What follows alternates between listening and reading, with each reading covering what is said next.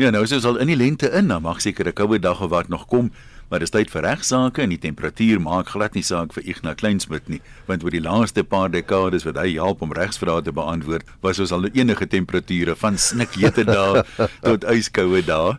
Ignas, baie welkom weer. Ja, eens. baie dankie Ian en baie dankie vir die luisteraars wat ingeskakel is. Dit is lekker om julle te gesels. Vandag sommer iets oor alles en nog wat. Die eerste vraag wat 'n mens moet vra, wat is dagsentrums se plig wanneer u baba versorg word? Daai mense wat uh, elke nou en dan in die koerante is, daar's daar een of ander tragiese gebeurtenis wat plaasgevind het.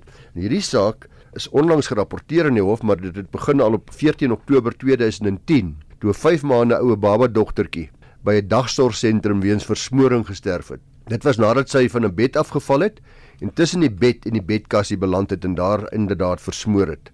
Een van die feite is dat in plaas van om die baba in 'n wiegie te plaas soos wat mense sou verwag, uh het die sorgsentrum haar op 'n bed geplaas met slegs kussings weerskante van haar om te verhoed dat sy van die bed afval. Haar ouers het toe 'n aksie ingestel teen die eienaar van die sentrum vir die onregmatige dood van hulle dogter, sowel as 'n eis vir psigiatriese skade ook teen die Wes-Kaapse Departement van Sosiale Ontwikkeling hierna wat ek dan maar verwys as die departement dat vir hulle versuim om gereelde inspeksies te doen ook om die aansoek om die sentrum as 'n vroeë kinderjare ontwikkelingsentrum te registreer.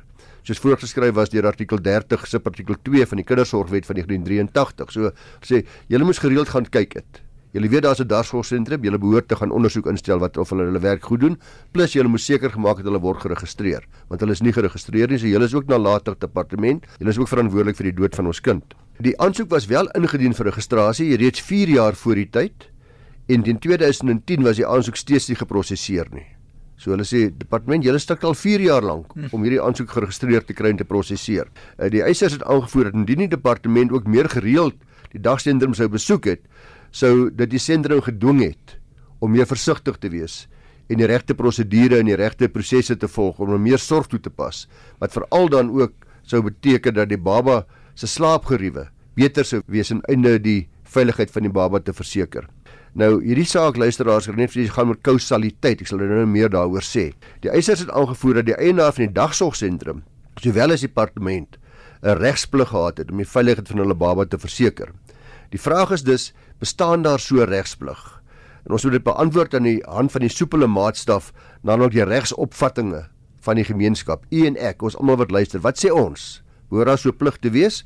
En die vraag moet ook afgevra word of al die elemente van 'n delik of 'n onregmatige daad teenwoordig is. Dis naamlik die handeling, die onregmatigheid van die handeling, die skuld en dan kausaliteit en ook dan nadeel as gevolg daarvan. Nou hier is dit baie maklik. Ek dink die handeling, die onregmatigheid, die skuld, die nadeel wat daar voorspruit vir die ouers ensovoorts is duidelik. Die vraag is of wat kausaliteit was. Dit is duidelik dat die elemente van 'n delik teenwoordig was, maar dat net die kausale verband tussen die late, die omissie van die departement en die dood van die baba dit eers bepaal moes word.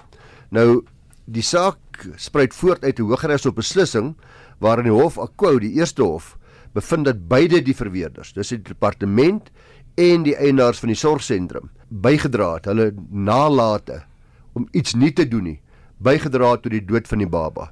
Hulle bevind die eerste hof dat die departement nalatig was omdat indien die departement die dagsorgsentrum sou besoek het soos voorgeskryf in die wet dan sou hulle bewus geword het van die tekortkominge van hierdie sentrum en dan sou hulle gesien het dat daar sekere lates was, sekere dinge wat die sentrum nie korrek doen nie, wat uiteindelik die oorsaak was van die baba se dood. Die departement het hierteen geappeleer na die appelhof toe.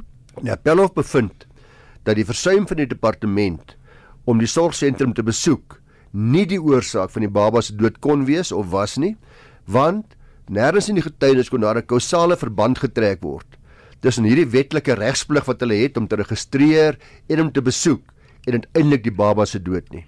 Moes verantwoordelik gewees het vir wat uiteindelik gebeur het. Kom ons vat dit, hoe word so 'n kausale verband bepaal? Jy sê byvoorbeeld vra of die feit dat die departement versuim het om gereelde inspeksies te doen en die sentrum te registreer of dit die oorsaak van die baba se dood was.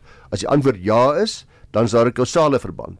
Indien die antwoord nee is, dan is die departement se late nie verantwoordelik vir die baba se dood. Dan is daar nie 'n kausale verband. Vervolgens dan moet die hof ook vasstel sê die hof wat die departement in die omstandighede sou kon gedoen het om hierdie gewraakte gevolg te kom verhinder het.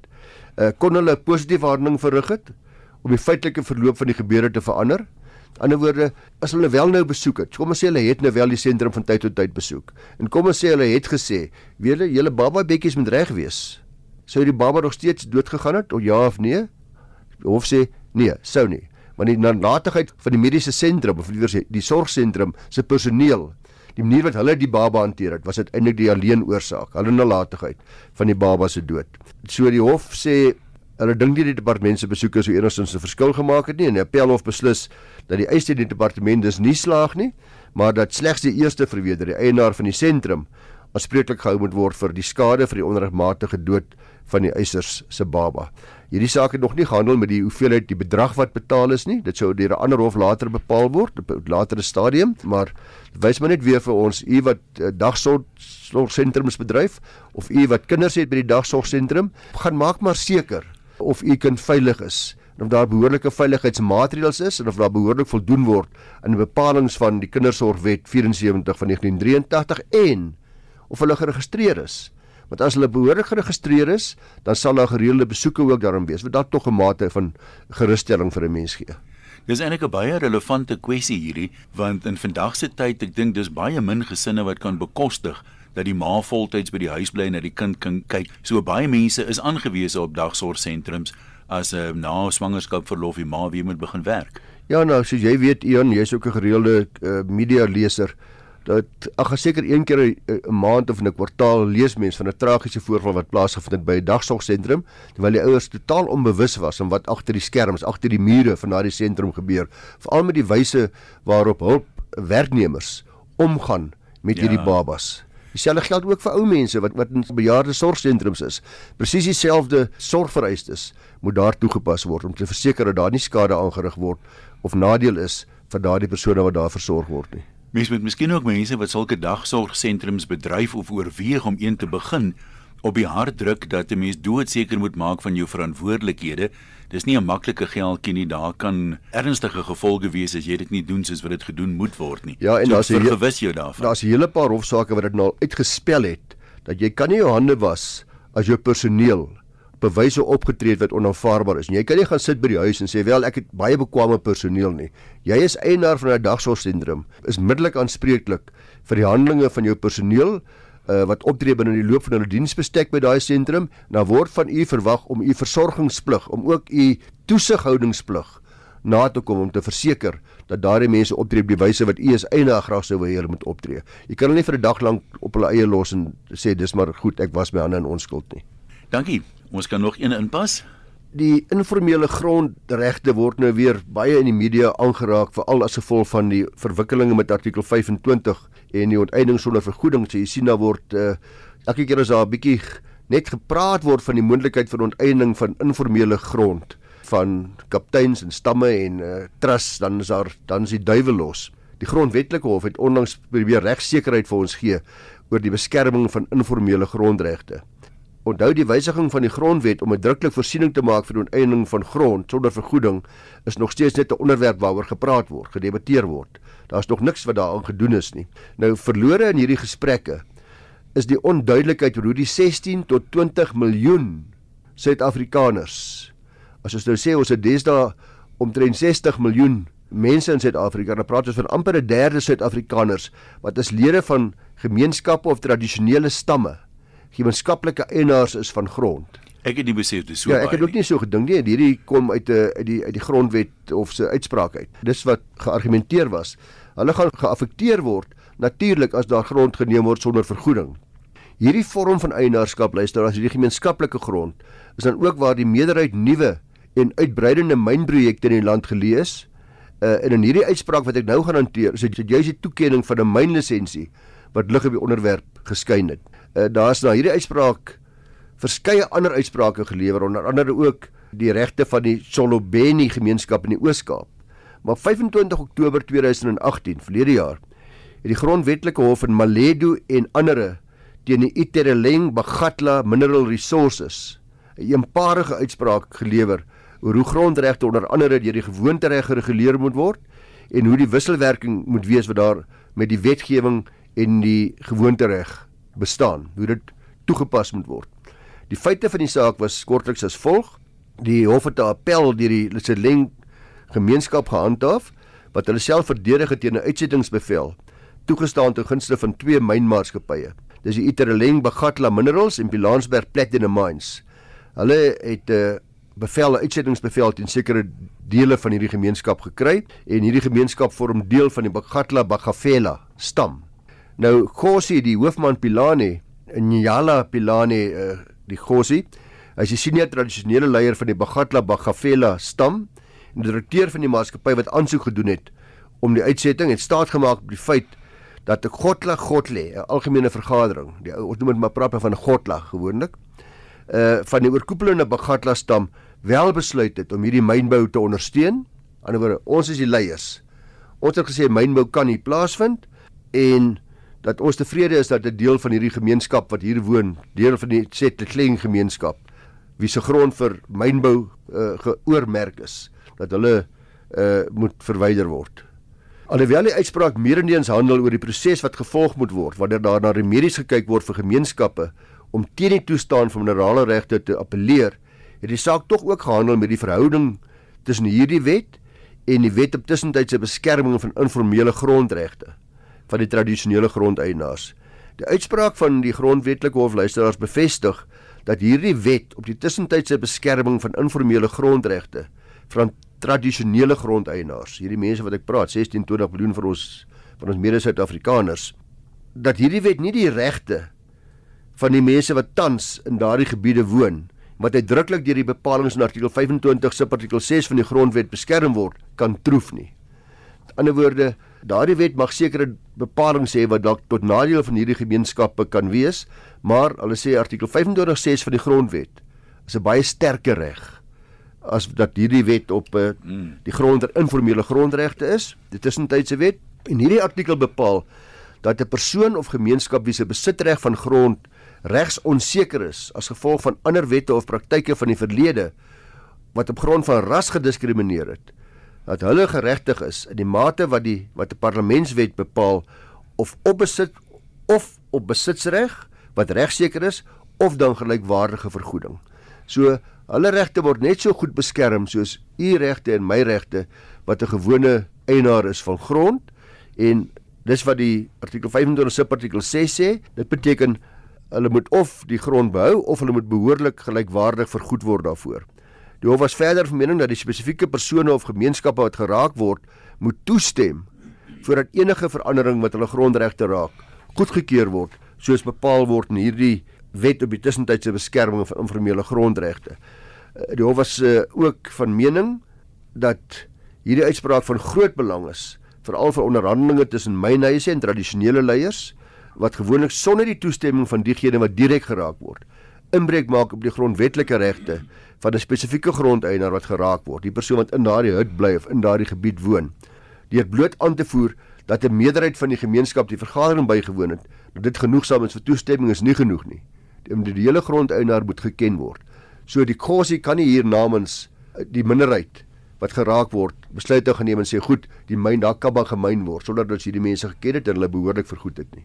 Ja, dis nie so maklik soos dit lyk nie, né? Nee, nee, nee, en dikwels sien ons deesdae dat die myn uh die groot mynboumaatskappye nogal 'n bietjie bloed neerskry wanneer hulle sommer net uh, wil begin mynbou en dikwels omdat daar ook word daar ook beweer dat daar dis nie in hierdie geval so beweer nie, maar dat daar verhoudinge tussen die mynbougroepe en die leiers is wat nie altyd gesond is nie, maar daar daar, daar persoonlike voordele verwissel van hande.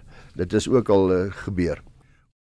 Ian, ek het 'n saak wat handel met 'n Foofie slide ongeluk wat gelei het tot 'n skadevergoeding eis van 1,3 miljoen rand.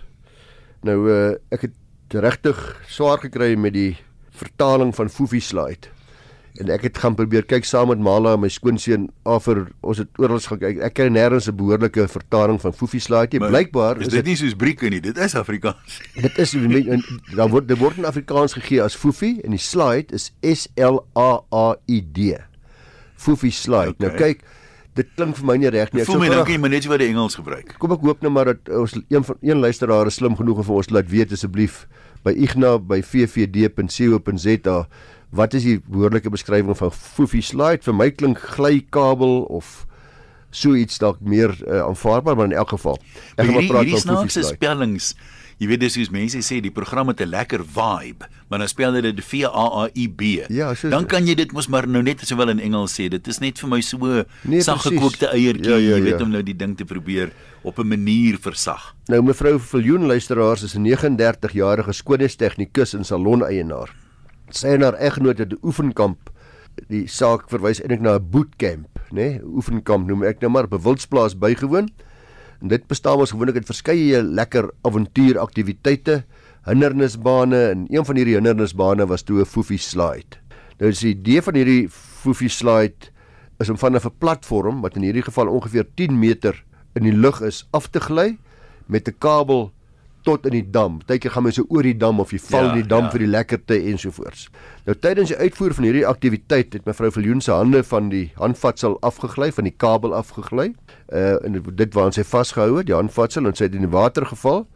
Maar sy het op 'n baie groot hoogte al geval en sy het haar wind uitgeval.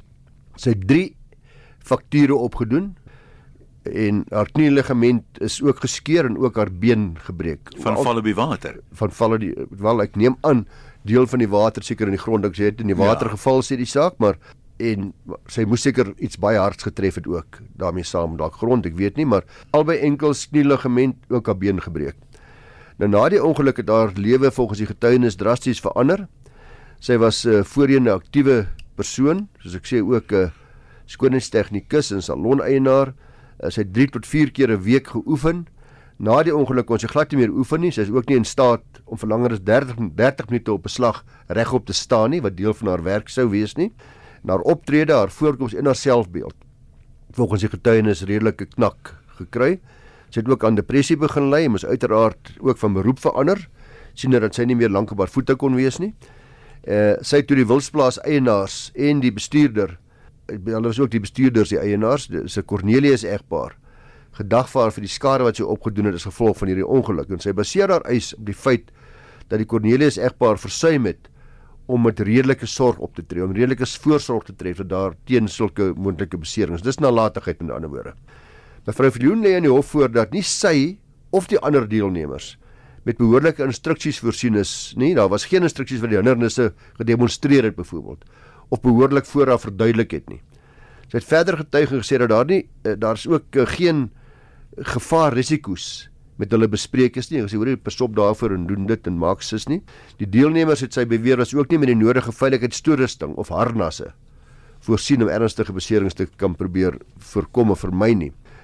Die Cornelius egpaar daarteenoor het geargumenteer dat hulle nie verantwoordelik gehou kan word vir enige skade nie, omdat hulle gevrywaar is van alle aanspreeklikheid aangesien alle besoekers duidelik volgens tekens wat aangebring is die oord betree op hulle eie risiko.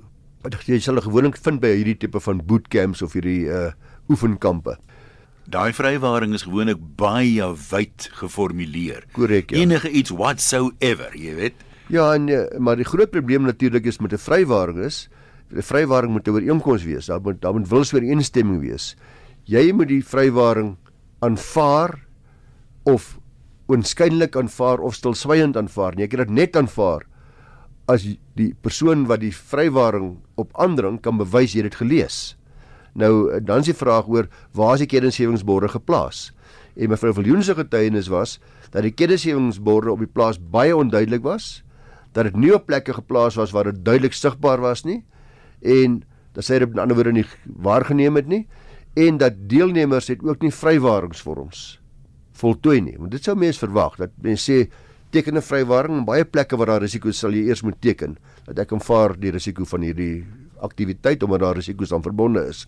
Nou die hof het verskeie getuienis uh aangehoor, verskeie getuies het uh, getuig en uiteindelik moes hulle ook kan bepaal of die Cornelius egpaar wel 'n plig gehad het om meer aksie te neem ten einde skade te voorkom en die hof sê daar is inderdaad so regsplig op alle eienaars in hierdie omstandighede rus en hulle bevind dat die Cornelius egpaar nie die nodige stappe geneem het om te verseker dat deelnemers uh, die hindernisse en dan die gevare daaraan verbonde behoorlik begryp nie. Daar was nie behoorlik opgeleide beamptes teenwoordig nie sê die hof by die uitvoer van hindernisse nie. Dis sou mens sê die hof is minstens sou mens verwag het en daar was ook geen behoorlike veiligheidsmaatreëls in plek nie. So dis bevind die hof luisteraars dat die Cornelius egpaar sonder twyfel versuim het om hulle redelike regsplig hulle versorgingsplig na te kom. Hulle versuim om voorkomende stappe te neem. Uh stel nalatigheid daar en hulle en hierdie nalatigheid dit is dan direk gelei tot mevrou Viljoen se beserings en skade. En die hof beveel dat die Cornelius egpaar 100% van mevrou Viljoen se skade moet betaal as ook haar regskoste.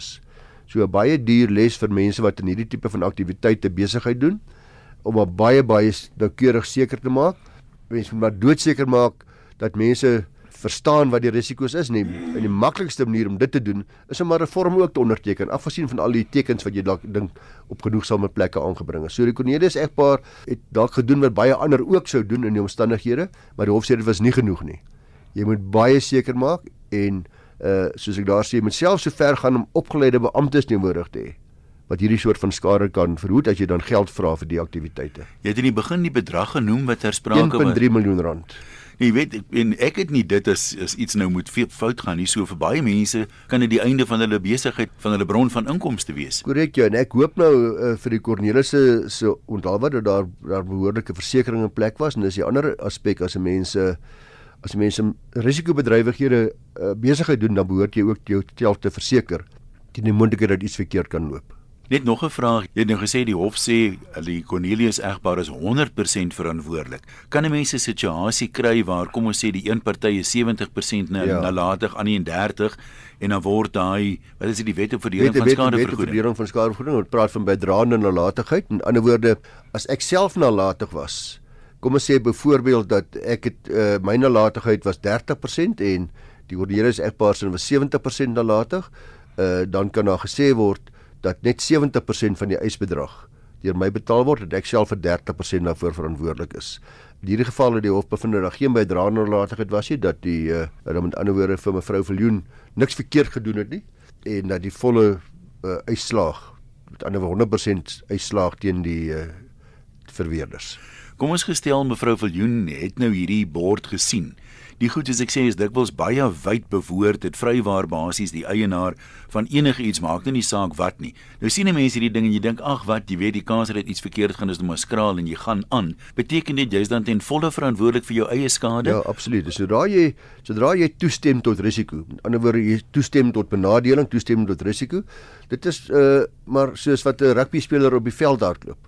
En hy weet dat as hy in die skram druk dan mag hy dalk sy nek beseer behalwe as daar ongeoorloofde spelle. So binne die reëls van die normale spel, ek kan net toestem tot die risiko van my benadeling as dit binne die normale loop van die besigheid is van die mense. Een daarvan is die foofie slide. Nou ek sien die foofie slide, ek sien die risiko's. Ek het vooraf gesê ek neem hierdie risiko in ag, ek aanvaar dit. Uh en dan is daar geen eise ter sprake nie. So dis baie belangrik ook dat en as jy natuurlik die vorm nog soveel te meer onderteken. Natuurlik, jy kan nie jouself nie uitkontrakteer teen roekeloosheid nie of grove nalatigheid nie. So kom ons sê die een paal wat die ding anker was los gewees, dit kan 'n ander heeltemal 'n ander storie wees. Heeltemal 'n ander storie wees. Heeltemal 'n ander storie met ander woorde, ek het ek was grof nalatig, ek het uh, sekere stappe geneem, dan kan ek myself nie uitsluit dis hoorie. Ander woorde, ek gaan nou maar dat jy in die vliegtuig klim terwyl ek weet die vliegtuig se engine is nie behoorlik nagesien nie. Dit sal grof grof nalatig wees. En dan kan ek nie toestem tot die benadering nie. By hospitale en uh, daar's heelwat uh, hofsaake hieroor die toestemming tot risiko wat jy teken by hospitale is daar al baie mooi netjiese hofsaake oor gewees wat sê dat dit in sekere omstandighede uh, nie afdwingbaar nie as gevolg van die vraag altyd of daar of jy behoorlik ingelig was oor die oor al die verskillende risiko's. Anderswoorde die, die hoe die vorm lyk dit moet verstaanbaar wees. Jy moet weet presies waarvoor jy toestem. Dit moet ingeligte toestemming wees. Ja. Dis nogal ook belangrik om te verstaan. Ek nou baie dankie. Ons gaan nie tyd hê vir nog 'n vraag vandag nie. Jy kan jou vrae vir beantwoording stuur na igna@ffd.co.za. En onthou al die programme van regsaake is ook as potgooi beskikbaar op rsg.co.za. Moenie op ons praat volgende week weer.